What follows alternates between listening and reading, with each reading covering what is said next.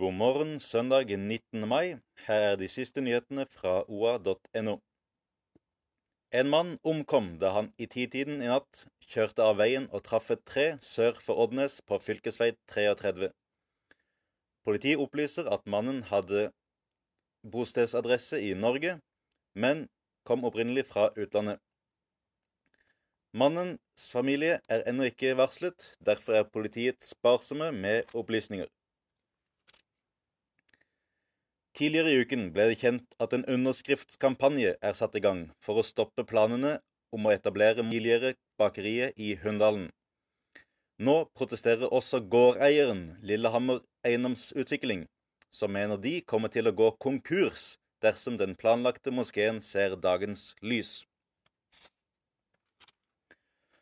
Og bli med inn i det imponerende funkishuset til Håvard Gjestvang og Katrine Espelien Gjestvang på Skreia. Se de siste eiendomsoverdragelser i Østre Toten og søkerlisten til stillingen som frivillig koordinator i Gjøvik.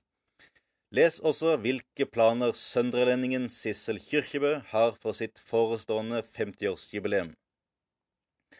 Følg med på oa.no for de siste og viktigste nyhetene fra Vestoppland.